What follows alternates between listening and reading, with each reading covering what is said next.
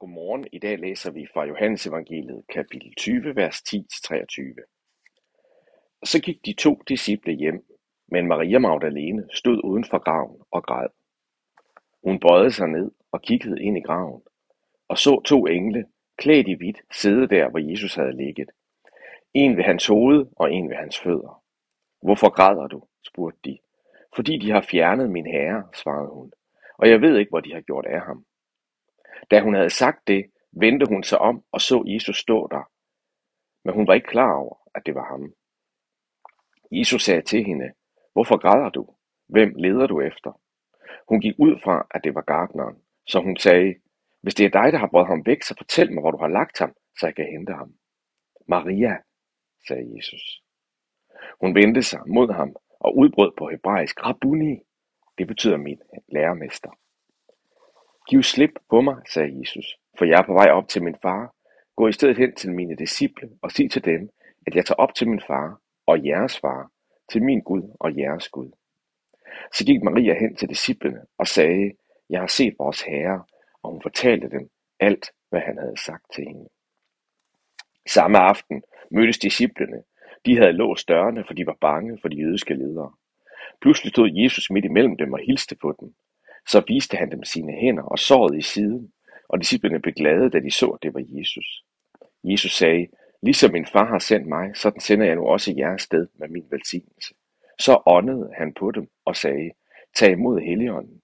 Hvis I tilgiver noget, nogen det, de har gjort forkert, så tilgiver Gud dem også.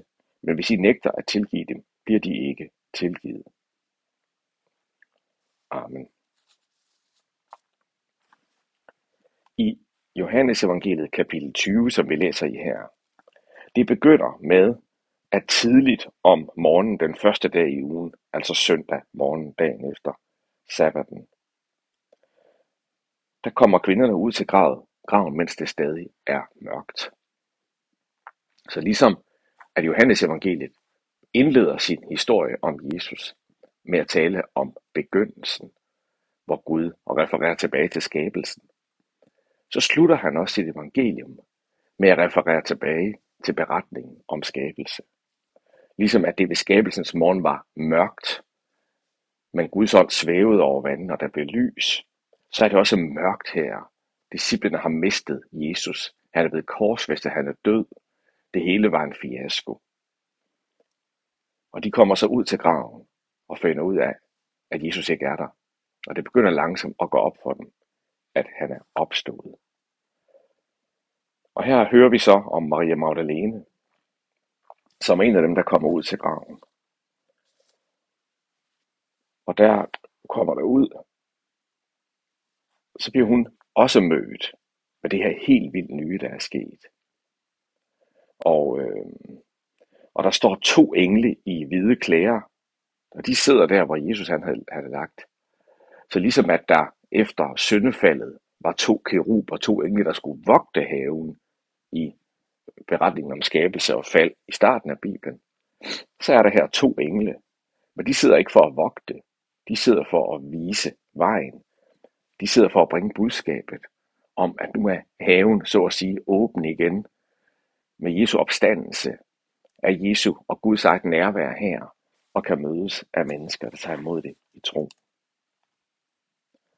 Og beretningen her slutter med, at Jesus ånder på disciplene og siger, tag imod Helligånden. Altså det, der senere sker fuldt ud på pinsedagen. Det forvarsler Jesus her. Og igen er det en, på en måde en genfortælling af noget, vi kender fra skabelsesberetningen, hvor der står, at Gud åndede på mennesket, åndede på Adam, pustede liv i hans næsebor. Guds ånd gjorde Adam levende.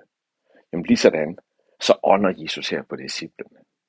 Alt det her med referencer tilbage til skabelsen fortæller Johannes, for han vil have os til at forstå, at nu skaber Gud igen. At Jesu opstandelse, det er en nyskabelse. Der var jo andre i evangelierne, der var opstået, efter de var døde. For eksempel Lazarus. Men Lazarus var stadig dødelig, selvom han var blevet genopvagt af Jesus. Han skulle stadigvæk dø igen senere. Men Jesus er ikke opstået på den måde. Jesus er opstået på den måde, at han nu er udødelig. Det er det evige liv. Det er det, det er den nyskabte menneske, Jesus repræsenterer i sin opstandelse. Så nu nyskaber Gud alle ting gennem at Jesus han er blevet født og har levet den her verden og er død og opstået. Det er en helt ny skabelse. Så står det. Det vil have til os til at forstå med de her fortællinger om to engle om Jesus, der ånder. Lad os bede sammen. Far i himlen, tak, at det er evangeliet. Evangeliet er, at du nyskaber alle ting. Evangeliet er, at du kommer igen og genopretter alting. En ny himmel og en ny jord. Og det begyndt, det sejrede, det satte sig igennem i verden. Påskemorgen, da du opstod for de døde. Langsomt gav det ringvirkninger ind i disciplenes liv, og vi beder om, at det også må give dybe ringvirkninger i vores liv den her dag. At du er i gang med at nyskabe alting. At der er håb, at der er liv, at der er påskemorgen. Amen.